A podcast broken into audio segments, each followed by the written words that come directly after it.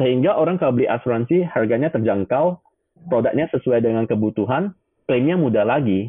Nah, akhirnya mereka melihat asuransi sebenarnya mudah loh. Daily Social Podcast.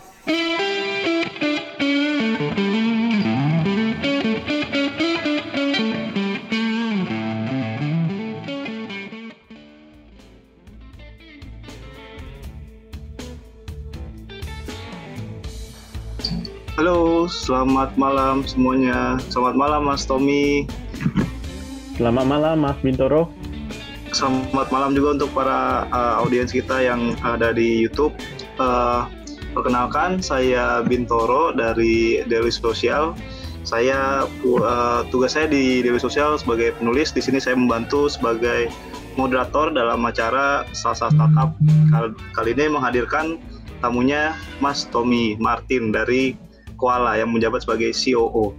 Kalau Mas Tommy boleh uh, untuk perkenalan dirinya kepada teman-teman yang sedang menonton. Selamat malam semuanya. Uh, salam kenal, saya Tommy Martin selaku co-founder dan COO dari Koala. Jadi uh, kami adalah salah satu perusahaan insurtech di uh, Indonesia yang fokus untuk uh, dapat menciptakan inovasi terkait uh, produk asuransi melalui teknologi. Oke, okay. Mas Tommy ini uh, menambahkan ya Mas, kalau Mas Tommy ini dikenal selain sebagai uh, sekarang sebagai COO Insurtech, eh COO Koala, uh, Mas Tommy ini juga uh, udah berpengalaman di bidang asuransi, di bidang uh, consulting dan digital bisnis pada umumnya.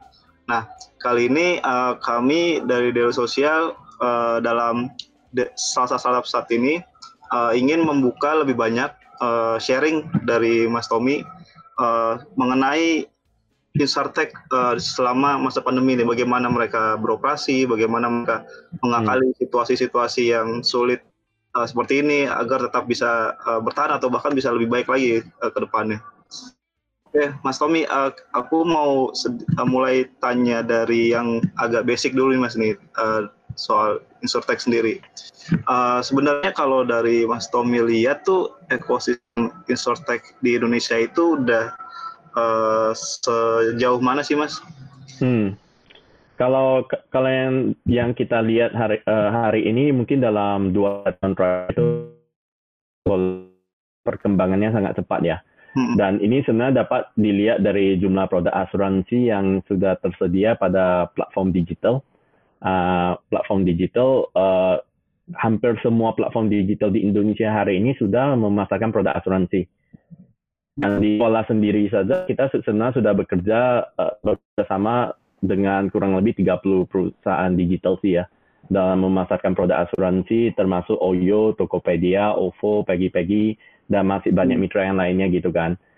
Um, dan kenapa sih hal ini sebelumnya tidak bisa dilakukan kan di Indonesia kan? Uh, karena lihat perusahaan asuransi, perusahaan asuransi kan teknologi mereka itu dibangun puluhan tahun yang lalu. Sedangkan kalau kita lihat dunianya digital, itu kan uh, platform mereka itu dibangun supaya bisa memproses transaksi uh, uh, kayak bisa jutaan per bulan gitu kan. Jadi otomatis itu ada suatu gap lah antara teknologinya perusahaan asuransi dengan perusahaan digital. Dan makanya Koala di sini kita uh, dan juga perusahaan insurtech lainnya, kita bertindak sebagai intermediary-nya yang dapat memberikan solusi untuk uh, kerjasama ini supaya dapat dilakukan. Um, dan dan sebenarnya selain itu juga uh, kenapa bangan ini juga pesat kan dalam beberapa tahun terakhir, uh, salah satunya juga da, uh, dari sisi bisnis model ya. Sebenarnya insurtech ini sudah ada sejak uh, mungkin 5 sampai 7 tahun yang lalu kan. Cuma kebanyakan insurtechnya itu masih fokus kepada model marketplace. Jadi menjual produk asuransi secara online. Uh, dan mungkin masalahnya itu adalah kesadaran berasuransi oleh masyarakat itu masih cukup minim. Sehingga itu uh, pendekatan di mana kita menjual produk asuransi secara hard selling itu masih susah kan. Uh, makanya solusi yang kita adakan hari ini kita bekerja sama dengan platform digital untuk memberikan solusi asuransi sebagai secondary, sebagai pelengkap atas aktivitas yang dibeli di platform tersebut. Jadi sebagai contohnya, saya beli tiket pesawat, kita memberikan asuransi keterlambatan penerbangan. Saya beli uh, handphone, kita beli uh, memberikan asuransi pelindungan gadget. Ya, jadi pendekatannya agak berbeda sehingga juga uh, insurtech itu dapat berkembang lebih bagus juga. Dan mungkin yang satu lagi juga terkait regulator uh, dan juga industri asuransi kan. Jadi uh, beberapa tahun yang lalu itu dari sisi OJK sendiri belum ada peraturan ya terkait insurtech dan juga belum ada pengawasan sama sekali terkait insurtech kan.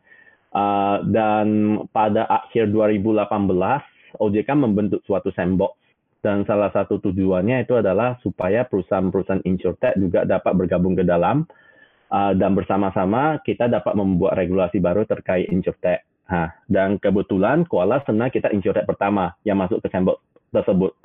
Uh, jadi dengan adanya sandbox tersebut itu juga membuat kita uh, dapat melakukan konsultasi ya dengan OJK dan juga dapat uh, go to the market in a better way gitu kan. Jadi kita bisa go to the market in the in the faster way juga.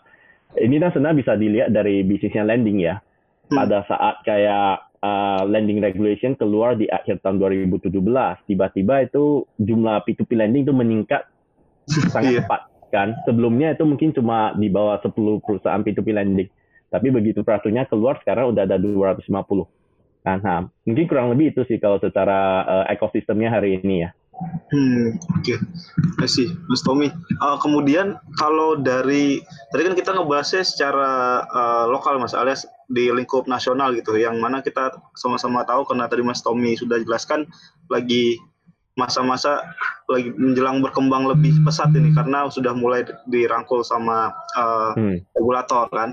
Nah, kalau dari ekosistem yang ada di secara global itu sudah sejauh mana dan dan pengaruhnya ke apa scene lokal tuh kayak apa mas? Hmm. Mungkin kalau kita lihat um, global punya perkembangan di insurtech di global, kita bisa lihat dari sisi investmentnya ya. Jadi kayak mungkin total investment yang sudah di uh, yang sudah di, uh, dilakukan pada beberapa tahun terakhir jadi contohnya uh, in, global investment di insurtech pada tahun 2019 itu udah sebesar uh, 6 billion USD, 6 miliar USD gitu kan. Dan ini merupakan kenaikan yang sangat besar ya uh, dibanding kayak contohnya tahun 2012 uh, jumlah investasinya cuma 350 juta dolar. Jadi itu udah kenaikan yang sangat besar. Uh, dan memang mungkin terutama pada uh, beberapa tahun lalu itu kebanyakan investasinya itu masih pada negara yang udah developed countries ya, kayak Amerika, kayak Eropa, karena memang kesadaran asuransi di negara tersebut udah sangat bagus kan, sehingga um, perusahaan-perusahaan insurtech juga dapat berkembang lebih cepat di uh, negara tersebut. Tapi kalau kalau kita lihat secara apa ya persentase investment yang di gerakan ke Asia tentunya ya termasuk salah satunya Indonesia, kita juga melihat ini ada kenaikan yang cukup besar ya. Jadi contohnya di tahun 2019 udah sekitar 20% dari investment itu masuk ke Asia kan. Jadi boleh dibilang ini sudah setengahnya dari investment yang masuk ke Amerika gitu. Um, ya dan dan kalau kalau kalau kita lihat juga perkembangan insurtech di masing-masing negara ya pastinya sangat berbeda ya soalnya itu kan banyak faktor-faktor yang ber, uh, beragam gitu. Uh, jadi contohnya bisa ada kita lihat market readiness-nya kan. Uh, mas, apakah uh, masyarakatnya itu sudah memahami produk asuransi tidak? Sudah ada financial literacy tidak untuk membeli produk asuransi? Tapi juga contohnya bisa juga dilihat dari sisi penghasilan. Ha, mungkin terutama di emerging punya market atau di develop punya, developing punya countries, itu banyak masyarakat masih struggle untuk uh, uh, un untuk dapat menghidupi uh, kehidupan sehari-hari gitu kan. Untuk dapat mencari untuk kehidupan sehari-hari. Never mind membeli asuransi kan jadi otomatis kalau kita mau push untuk adopsi asuransi di negara tersebut pasti ada barriernya pasti ada uh, challengesnya lending mungkin bisa lebih efektif karena memang masyarakat lebih mencari dana dibanding mencari asuransi kan um, tapi juga yang paling penting ya salah satu faktor yang bisa mendefine suatu landscape di masing-masing negara itu adalah regulasi.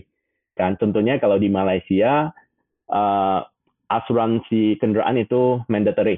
Nah, jadi otomatis setiap masyarakat sudah ada kesadaran uh, di level tertentu gitu ya. Mereka sudah memahami asuransi itu kayak gimana. Dek, ngobrol yuk. Ngobrolin apa, Bang? Ngobrolin Startup bareng Daily Social.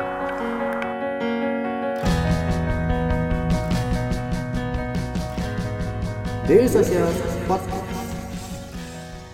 Oke, Mas kebetulan tadi uh, ada saya ngeliat ngintip kolom komentar ada yang nanya nih, uh, Insertech itu baru dengar tuh. Hmm. Uh, bedanya sama fintech apa ya? Oh, untuk informasi saja bagi teman-teman yang sedang menonton, Insurtech ini singkatan dari Insurance Tech. Uh, jadi jadi kita akan banyak ngebahas soal uh, fokus ke asuransi dan teknologi dan Insurtech itu sendiri uh, yang diwakili oleh Kuala. Oke Mas yep. Tommy lanjut. Maaf nih ada apa suara-suara rohani, suara azan nih. Bagus dong itu. Iya. Oke Mas. Uh, kemudian uh, dari model bisnis yang ideal itu untuk sebuah insurtech tuh kayak apa sih mas? Hmm. Ada ada kriteria-kriteria tertentu nggak untuk menentukannya? Uh, hmm. Terutama untuk apa fokusnya kita di Indonesia aja gitu mas? Hmm, ya, ya mungkin kalau secara uh, bisnis modelnya kan uh, sangat tergantung sama negaranya kan, hmm. sama negara masing-masing yang mungkin tadi sudah sempat dijelaskan gitu. Uh, jadi kalau di Indonesia mungkin uh, salah satu keunggulan uh, kita itu adalah uh, jumlah startup sih ya. Jumlah startup di Indonesia itu uh, kita kalau di dunia uh, ranking kita itu nomor 5 ya. Jadi kita ada 2000 startup di Indonesia hari ini. Dan kalau kita lihat negara-negara uh, di Asia Tenggara lainnya, uh, semuanya itu mungkin masih di bawah 200-300 startup. Mungkin uh, banyak masih di angka ratusan gitu kan. Jadi uh, otomatis dengan banyaknya pelaku startup di Indonesia, juga menjadi suatu potensi buat Kuala bisa kerjasama dengan mereka, kan? Ah, uh, dan dan bekerja sama dengan mereka, masing-masing startup ini mereka kan sudah melayani konsumen masing-masing gitu ya. Mereka sudah memberikan pelayanan masing-masing. Contohnya kalau online travel agent menjual uh, e-commerce sudah menjual barang-barang uh, elektronik, barang-barang fashion, kalau uh, fintech lebih memberikan lending gitu kan. Jadi otomatis dengan bekerja sama dengan mereka, kita juga bisa uh, memasarkan produk asuransi sebagai pelengkap kan. Hmm. Hmm. Jadi ya boleh dibilang itu sangat tergantung lah ke profil negara masing-masing gitu kan. Nah, jadi kalau di Malaysia tentunya mungkin saya akan lebih melihat uh, online marketplace itu bisa lebih efektif kan karena memang kesadaran untuk berasuransi terutama untuk asuransi kendaraan itu sudah ada ya hmm. jadi mungkin langsung kita asarkan kita buatin suatu portal portal yang mudah untuk mereka gunakan untuk mencari uh, asuransi tersebut dan melakukan pembayaran itu sudah bisa cukup efektif. Kalau di Indonesia kan enggak. Di Indonesia orang yang mencari produk asuransi online itu masih sangat terbatas ya. Hmm. Jadi mau tak mau kita yang harus jemput bola. Kita yang harus bekerja sama hmm. dengan platform digital untuk menawarkan uh, manis gitulah ya. Saya beli tiket uh, saya beli uh, tiket pesawat gimana kalau tiba-tiba saya terlambat? Ya, saya dilindungi dong oleh Kuala kan. Kalau saya beli HP, uh, HP HP saya tiba-tiba uh, tiga bulan kemudian HP saya jatuh, screen-nya pecah. Nah, saya juga bisa dilindungi oleh Kuala gitu. Hmm. hmm, hmm. hmm untuk kalau misalnya di berarti kalau untuk di Indonesia ini sejauh ini emang uh, model bisnis yang apa menambahkan nilai lebih dalam tiap produk kayak di OTA dipasangin asuransi di apa di pembelian ponsel dipasangin asuransi juga itu sejauh ini masih paling uh, efektif mas kalau dari Kuala. Uh, benar, soalnya kalau kita lihat ini ya struktur produk asuransi yang tradisional ya, Hmm. Kan produk asuransi itu boleh dibilang cukup mahal ya, harganya hmm. ratusan ribu jutaan rupiah gitu. Hmm. Jadi bayangkan ada kalau saya menawarkan produk asuransi yang harganya jutaan kepada orang yang belum memahami asuransi, itu hampir hampir gak mungkin itu bisa terjadi. Kan, itu susah kan. Saya ada belum paham asuransi, kenapa saya diminta untuk beli asuransi yang harganya ah, jutaan rupiah. Makanya pendekatan dari kita itu adalah kita melihat kalau kita mau mengedukasi, kita harus mulai edukasi dengan produk yang murah. Produk yang lebih murah, produk yang lebih simple. Kan? Dan uh, makanya kita mau kerjasama dengan platform digital, contohnya kalau saya beli uh, tiket pesawat, harganya 500 ribu sampai 1 juta. Nah, mungkin asuransinya kita cuma uh, jual di angka 15 ribu sampai 20 ribu. Kan? Jadi harganya masih sangat terjangkau Nah, tapi yang kita pastikan, mungkin salah satu peranan insurtech di sini, kita bukan cuma jadi intermediary supaya pemasaran produk asuransi dapat dilakukan. Tapi kita juga memastikan bahwa gimana sih layanan layanan asuransi tersebut bisa menjadi lebih bagus. Soalnya kalau kita lihat asuransi, itu kan produk apa ya? Virtual ya. Kalau hmm. saya beli HP, saya bisa memegang HP-nya gitu. Saya iya. beli emas, saya juga ya technically saya juga bisa mengambil emas ya kan. Tapi kalau ya. asuransi, ya saya beli asuransi saya cuma dapat satu kertas gitu. Kan soft copy lagi kadang-kadang kan. Jadi uh, kalau kita melihat asuransi itu uh, klaimnya itu paling penting. Soalnya itu moment of truth-nya kan, itu benefit-nya. Nah, jadi dalam proses klaim inilah salah satu uh, fokus areanya Koala. Kita membangun teknologi supaya proses klaim yang dulunya memakan waktu satu dua minggu bisa menjadi hitungan detik. Ya kan? Dan proses tersebut yang dulunya itu sangat manual bisa menjadi digital. Kan? Sehingga orang kalau beli asuransi harganya terjangkau, produknya sesuai dengan kebutuhan, klaimnya mudah lagi. Nah, akhirnya mereka melihat asuransi sebenarnya mudah loh. Kan suatu hari baru begitu ditawarkan produk asuransi yang lebih penting, contohnya asuransi kendaraan, harganya jutaan rupiah, masyarakat sudah ready mereka sudah bilang, ya saya udah paham asuransi, ini mahal tapi saya udah memahami manfaatnya.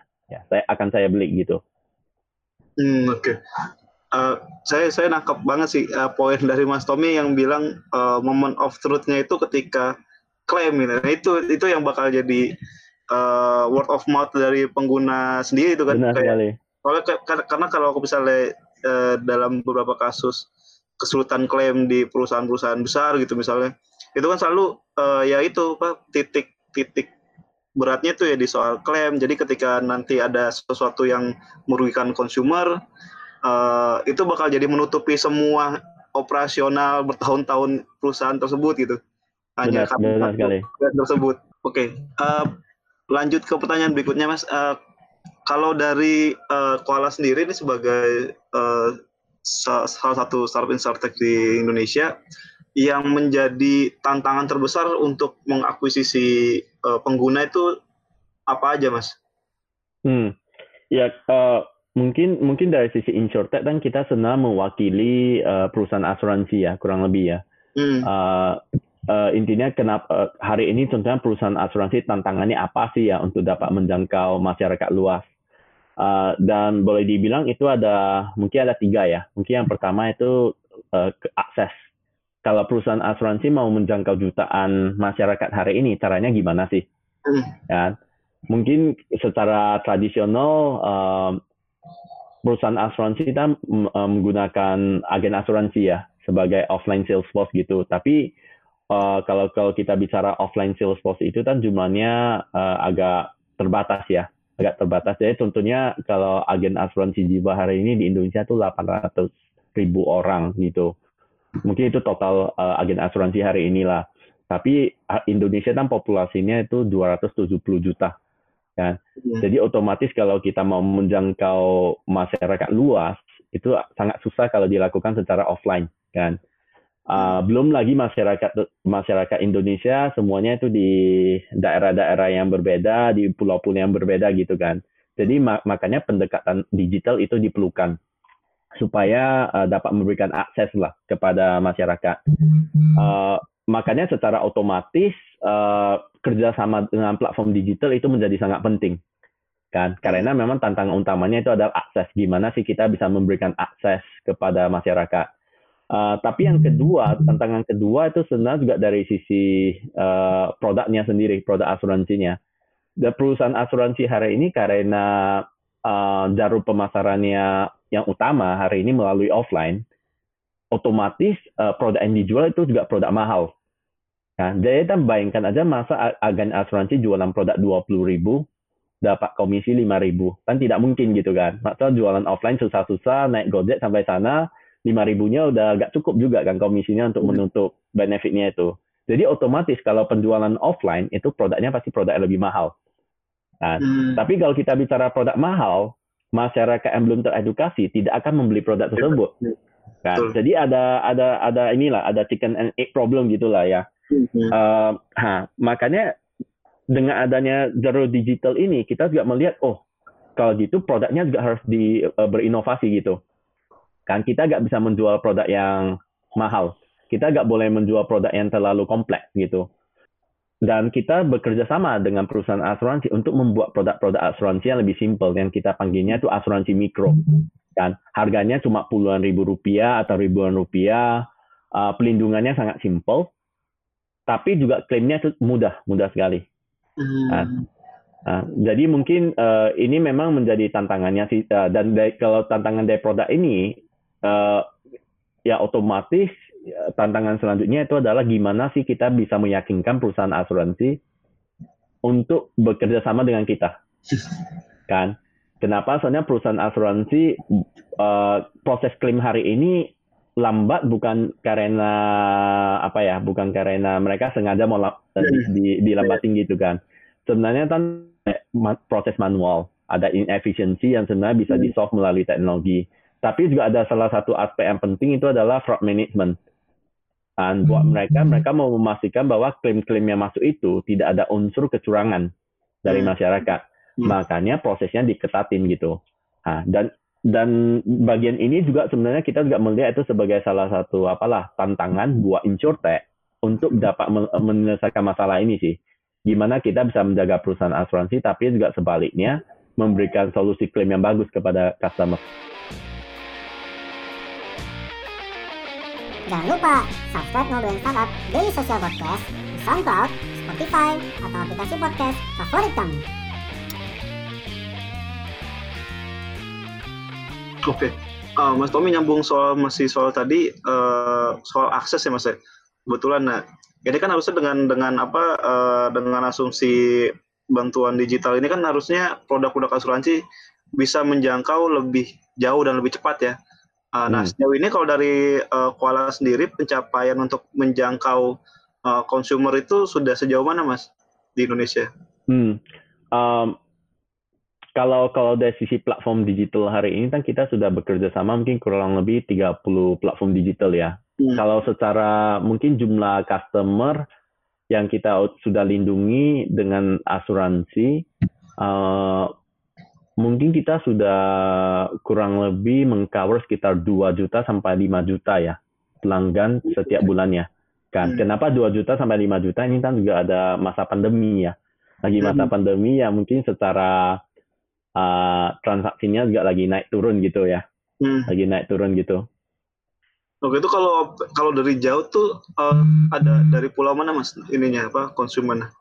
Uh, kebanyakan karena strategi kita itu kan lebih fokus bekerja sama dengan platform digital ya. Jadi hmm. memang secara otomatis itu lebih fokusnya ke kota-kota besar sih.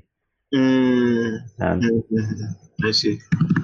Oke, lanjut Mas. Uh, nah tadi kayaknya sempat udah di, sudah disinggung sama Mas Tommy nih. Nah, seberapa penting sih sebenarnya kolaborasi yang perlu dilakukan dengan perusahaan atau startup atau pihak lain? Tadi kan uh, udah Mas singgung ya soal produk hmm. produk-produk insurtech itu kan banyak banget yang uh, misalnya um, melindungi tiket untuk pembelian di OTA gitu atau misalnya nah. melindungi ponsel kalau misalnya retak layarnya kayak gitu-gitu. Nah itu kan pas butuh banget uh, kolaborasi yang intens ya.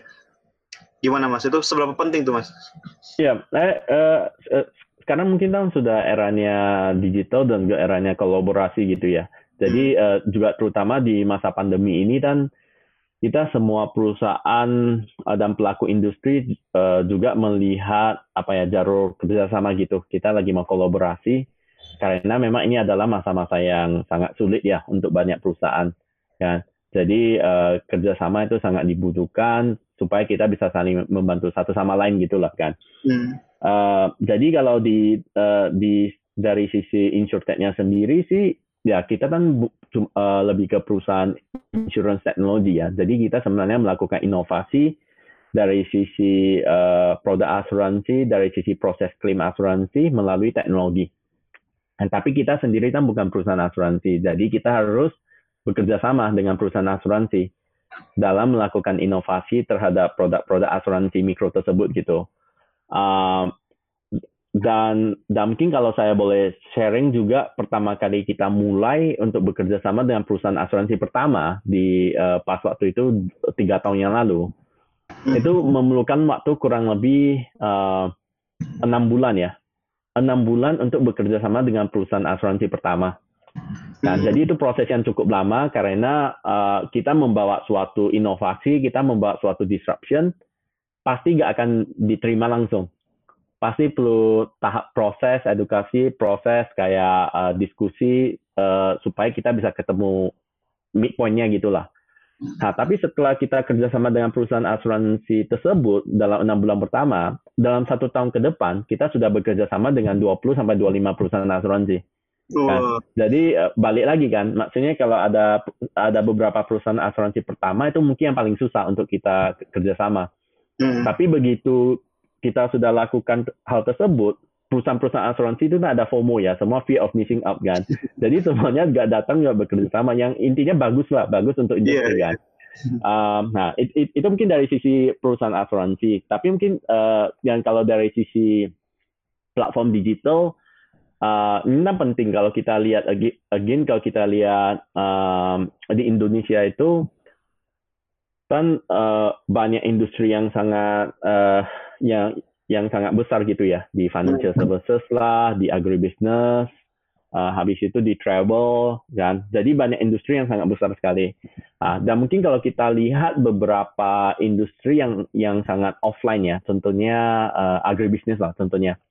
Agribusiness ini kan kalau kita mau menjangkau petani itu boleh dibilang itu sangat susah secara incetek ya. Kenapa? Soalnya uh, hari uh, bayangkan belum ada platform yang melayani petani hari ini buat perusahaan asuransi untuk bekerja sama dengan petani itu susah. Nah, tapi beruntungnya hari ini sudah banyak startup yang bergerak di bidang agribusiness. Betul. Jadi mereka membangun platform khusus untuk petani, untuk peternak, kan untuk uh, nelayan gitu kan. Tapi mereka juga membangun suatu proses gitu ya, ya membuat suatu proses atau proses operasional ada tim offline-nya gitu yang bekerja sama dengan nelayan, petani, sama peternak tersebut. Jadi otomatis kalau kita kerjasama dengan platform tersebut, kita juga dapat menghadirkan asuransi kepada uh, petani, peternak, sama nelayan. Hmm. Kan? Kalau kita agak kerjasama ya, kita tidak akan bisa menghadirkan asuransi kepada uh, ke kepada mereka gitu kan. Hmm. Nah makanya ini kenapa sih kolaborasi itu penting kan? Kalau kita mau ber berkembang dengan cepat, ya kolaborasi itu harus dilakukan. Hmm. Oke, okay. insight yang sangat menarik, Mas Tommy. Uh, lanjut, kalau dari, hmm, nah ini kita mulai masuk ke masa-masa pandemi dan pengaruhnya nih, Mas. Ya. Kalau dari sejauh ini yang dialami oleh uh, Koala dan Insurtech pada umumnya yang Mas Tommy lihat, sejauh mana nih dampak yang sudah dibawa oleh pandemi corona ini, Mas? Hmm, siap. Hmm, Ya mungkin karena uh, kebanyakan bisnis model insurtech hari ini kan bekerja sama dengan platform digital gitu ya. Hmm. Uh, jadi uh, jadi otomatis uh, kalau kita lihat pandemi uh, pand di pandemi ini mungkin beberapa bisnis yang bergerak di industri offline atau yang ada aspek mobility-nya se seperti travel atau transportasi gitu itu kan cukup terdampak ya Hmm. Dan cukup terdampak orang tidak bisa ber uh, naik naik pesawat, tinggal di hotel atau uh, orang nggak bisa kayak beli barang di uh, di warung-warung gitu kan. Jadi aspek uh, industri tersebut uh, agak terganggu gitu. Jadi otomatis uh, dampaknya ke insurtech itu juga juga dapat dirasakan. Soalnya kita juga bekerja sama dengan banyak pelaku industri di travel dan di offline juga kan. Uh, tapi mungkin uh, dari sisi uh, uh, Kuala sendiri gitu kan, kita kan uh, juga bekerja sama dengan beberapa perusahaan di e-commerce ya, digital uh, di e-commerce kan. Dan kalau kita lihat e-commerce sendiri, mungkin itu kebalikan dari travel, kebalikan dari bisnis offline kan. Karena uh, uh, penjualan secara online itu juga meningkat kan sejak masa uh, pandemi ini kan. Kan mungkin kebanyakannya orang beli hand sanitizer, beli masker, uh, beli banyak barang gitu kan. Dan dan itu juga karena orang nggak bisa beraktivitas offline. Jadi mau tak mau mereka harus melakukan aktivitasnya secara online kan. Jadi karena kita sudah juga melakukan kerjasama dengan pihak e-commerce tersebut, secara overall sih memang dampaknya itu uh, lebih apalah lebih uh, oke okay itulah kan. Jadi mas, secara bisnis kita masih growing, masih uh, growingnya masih cukup bagus. Memang secara bisnis revenue kita menurun, tapi bisnis e-commerce-nya itu naik. Uh, hmm. Dan mungkin yang terakhir juga um, kalau kita lihat startup ya termasuk insurtech gitu, salah satu aspek yang penting itu funding Kan soalnya hmm. kalau kalau fundingnya tidak ada, ya mungkin itu sangat susah untuk startup untuk melalui masa-masa yang sangat susah ini kan. Hmm. Dan kita juga udah melihat beberapa perusahaan teknologi yang sudah uh, very unfortunate gitu kan, udah juga udah closing operation kan during this time kan. Uh, memang itu sesuatu yang sangat unexpected gitulah ya uh, pandemi ini ya. Uh, mungkin dari sisi kuala sendiri kita juga beruntungnya ya di bulan Maret tahun ini kita juga baru secure funding kita si Series A. Jadi itu pas banget gitu kan, pas mm-hmm. banget sebelum pandeminya mulai kita secure fundingnya gitu. Oh, itu secure pas banget sebelum ya Mas ya? Benar. Uh, jadi itu boleh dibilang kalau saja kita mungkin terlambat beberapa bulan, tentunya yeah. kalau kita terlambat beberapa bulan aja, kemungkinan kita bisa uh, close the funding itu udah susah kan. Bayangkan gimana kita bisa ketemu investor di masa sekarang gitu kan. Dan jadi itu susah kan. Mereka mau melakukan due diligence tentunya. Hmm. Mereka ya tidak tidak bisa bisa melakukan hal tersebut kan. Soalnya due diligence biasanya harus face to face, harus hmm. memeriksa dokumen ini itu dan sebagainya. Oke, okay. beruntung nih berarti teman-teman dari Kuala.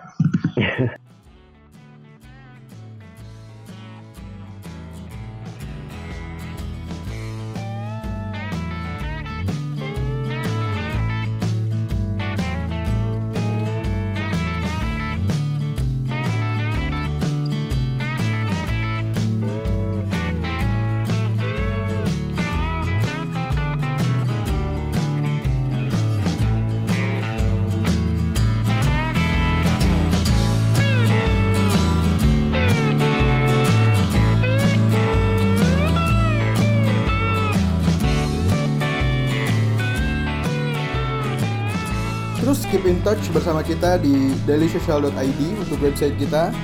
Di Facebook kita ada dailysocial.id, di Twitter kita ada @dailysocial dan di Instagram kita ada @dailysocial.id. Di LinkedIn kita ada Daily Social dan di YouTube kita ada Daily Social.